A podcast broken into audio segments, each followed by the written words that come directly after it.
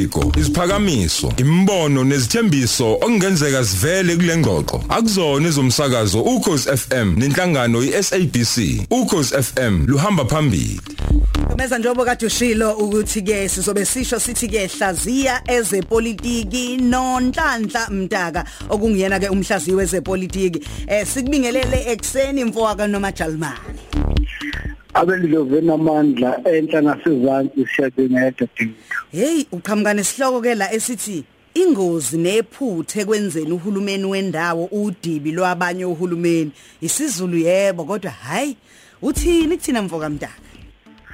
Asiqale sicacise ngodaba ngigama elithi udibi udibi ngabafana babebambela amaqhawe ikhali imali wa empini Mm. isihloko sethu kwesithi kunobungozi kwenzeni ohulumeni bendawo omasipala izindili noma udibi eh lo hulumeni abanye. Babili abanye uhulumeni ngokomthetho. Khona uhulumeni kazwelonke oholwa ngumengameli.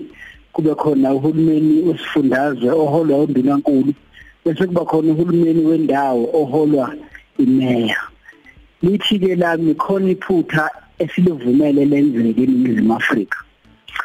Ukuthi kwakheka isithombe engazuthi uhulumeni wendawo udibi into engilutho abamqoka ilaba besifundazwe abamqoka ilaba bakozilonke lokhu uyakubona ngisho indlela okwenzeka ngayo isibonelo nje.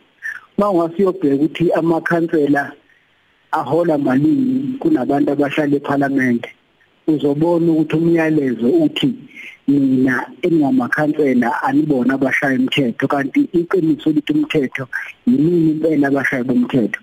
Okwesibili uma uzobheka dadewethu izimo abasebenza ngaphansi kwazo azifani. Kuzwe lonke naku province banikwa izinsiza eziningi nezingcono ukudlula amakhansela. Wona phila nathi suku zaphuma ngoba iqiniso lithi ubuso bukahulumeni akulona ilungu leParliament ibubuso bukahulumeni akulona ilungu lesishamthetho kepha ubuso bukahulumeni ikhansela ubuso bukahulumeni umasipala. Ikhona ke ingozi esiyenzayo ukuthi senze ngathi lo hulumeni awusile. Nathi thina singamaqembu epolitiki sinjalo sithatha abantu abangazi lutho noma bayiziqhwaga sithi abayoba amakhansela singabafaki ekubeni ngamalungu eParliament neshamthetho ngoba vese nathi sicabanga ukuthi ukungena lapha ekubeni ikhansela kungena nje umuntu akudingi lutho elikhona. Ngamafuphi akuyena kuphela uhulumeni kazwelonke nesifundazwe obukela phansi amakhansela noma uhulumeni bendawo. Kepha nathi thina amaqembu masiqoka abantu asiqoka abantu esithi hayi laba ke siyazi ukuthi abantu banamafa empeleni ngisho kungananazi ukuthi uhulumeni wendawo kumaqembu epolitiki sekwaba yila kulashwa khona eh omashipha kudliwa beyiphoqi beyigebengu abasuka emaparlamente eh nakumfundazwe bese kuthiwa awu ngoba phela ungowethu ake simfake abe yikhansela into engalungile leyo. Lapha kuhulumeni bendawo sidinga abaholi abanamava ngoba nabo ngokomthetho njengoba ngisho dadewethu bangabashayi bemithetho futhi ngokwami abangcono nabadingeka ukudlula abesifundazwe. Ukulalela lapha uzokuthiwa imeya uzohlangana naye ayisekho. Iphi? Sekuthiwa iphuthume mgungundlovu. Igijimelani? Igijimela uMEC uzongilanga kuthiwa sekuyaxatshana ngoba uMEC ngoba uphini manje wafika endaweni engayitshelile imeya ukudelelana lokho kokucabanga ukuthi khona omkhulu kunomunye. Akekho umthetho umile. Bangasukuma bathi khona omkhulu. Thina siwazi umthetho uthi bayalingana bese kuba khona into ekuthiwa ukusebenzisana intergovernmental relation laba ngabalingani. Akulona udibi ngiyathinda igama.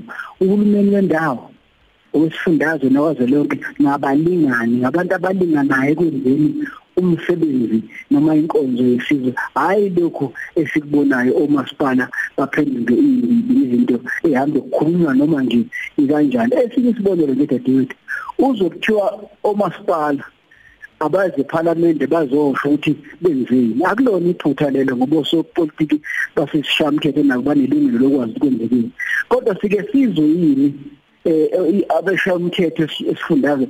Bezosho ngasemakubo ngisasho nje njengamalungu eParliament ahlangene ngasemakubo ngoba bonke labantu abagcwele eMaphalamende beshamthetho bahlala ngasemakubo ababonakali yiko ngithi asilungise leyo nto ngoba iqiniso lethi umuntu oyolekelela isithunzi sikahulumeni waseNingizimu Afrika kulona iParliament noma ishamithetho kodwa kuyoba yilokho abantu abakubona nsuku zaphuma ukuhulumeni wendawo.